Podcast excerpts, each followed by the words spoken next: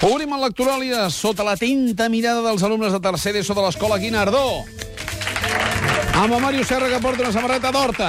Sí, senyor, bon. I, i he de dir que l'escola Guinardó no em resulta gens desconeguda, perquè part dels de casa hi han anat i continuen anant-hi d'una manera molt clara. Una gran escola, eh? Sí. Aplaudiu-vos una altra vegada, va. Avui no parlarem ni d'horta ni de Guinardó, sinó de Tom Sharp. Sí, senyor. Fem un lectoral i especial. Sabem que va morir la setmana passada, aquest autor anglès que estava situat a Llafranc. En farem tres pinzellades, tres recomanacions de lectura en la mateixa estructura del lectoràlia, però sota cinc L's. Comencem amb l'origen de tot. Són els Simple Minds, Mandela Day. Sí, senyor, l'origen de l'escriptura i de la posició moral davant de la vida i del to de Tom Sharp és Sud-àfrica. Ell va ser expulsat de Sud-àfrica per la seva actitud contra l'apartheid, però hi ha dues novel·les que són dues novel·les que pràcticament continuen una darrere l'altra, Riotous Assembly i Indecent Exposure. Això es troba a columna en català, com tota l'obra, Assemblea sediciosa, Exhibició impúdica, i en castellà, anagrama, Reunió tumultuosa, Exhibició impúdica. Són dels anys 70 i té un punt de cruesa hilarant. És a dir, només et faig el plantejament de partida, el que ho engega tot ja ho explica. Miss Hazelton viu en una mansió a Jacaranda Park, diguem, i acaba matant el seu cuiner Zulu en un crim passional, perquè té una, diguem, eh, una gelosia molt gran, i aleshores es presenta a la policia que bàsicament són africaners, diguem. A partir d'aquí, la cosa es comença a, a, a fer una espiral de despropòsits que et deixa absolutament garrativat, perquè et fa riure molt, és de traç molt gruixut, però alhora té una densitat moral molt clara de, eh, eh, de la posició d'un autor com ell, d'un home blanc i britànic en un règim que senzillament eh, en els anys 70, quan va escriure això, deplorava, com tots sabem, eh, el racisme.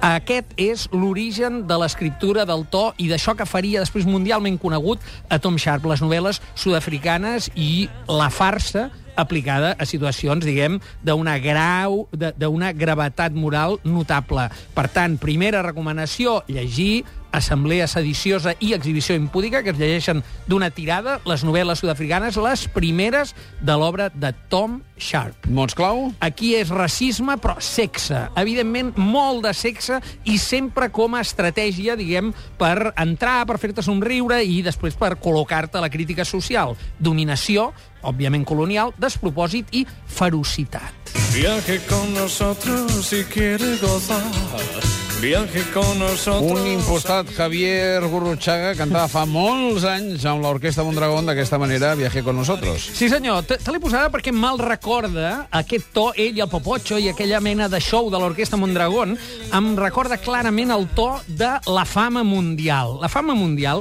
arriba a Tom Sharp amb una novel·la de l'any 76, Wilt, Wild, que va tenir fins a quatre seqüeles. Wild, The Alternative, eh, que va ser en català Wild, alter, els alternatius i els terroristes, i en castellà Les tribulaciones de Wild.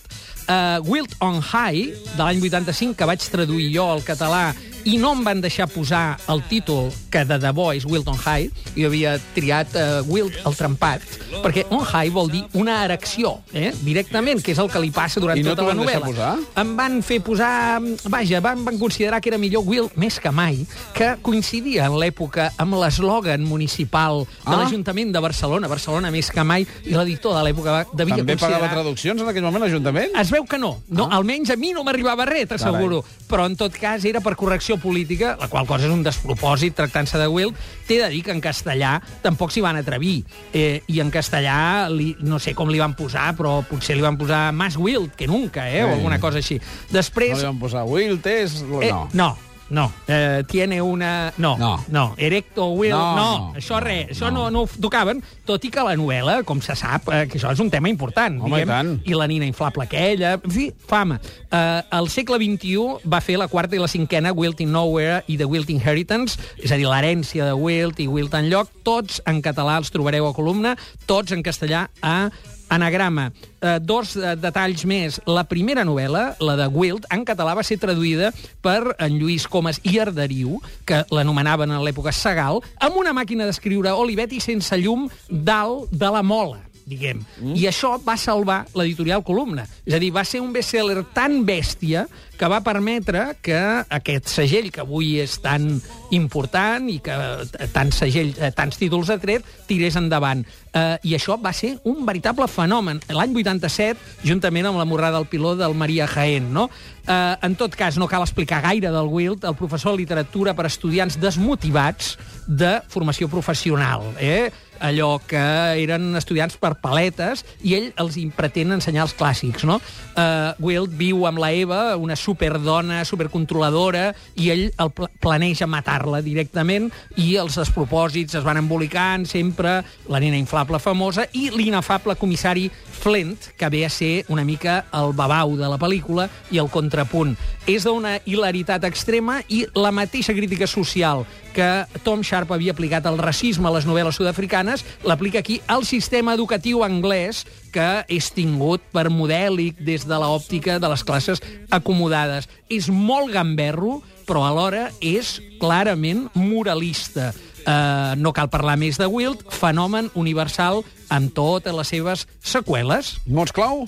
Cultura, barbària, batalles matrimonials i mm, goso dir-te que tenia un punt de punk aquest home, perquè tot i el seu aspecte t'asseguro que era una mica punky la seva proposta.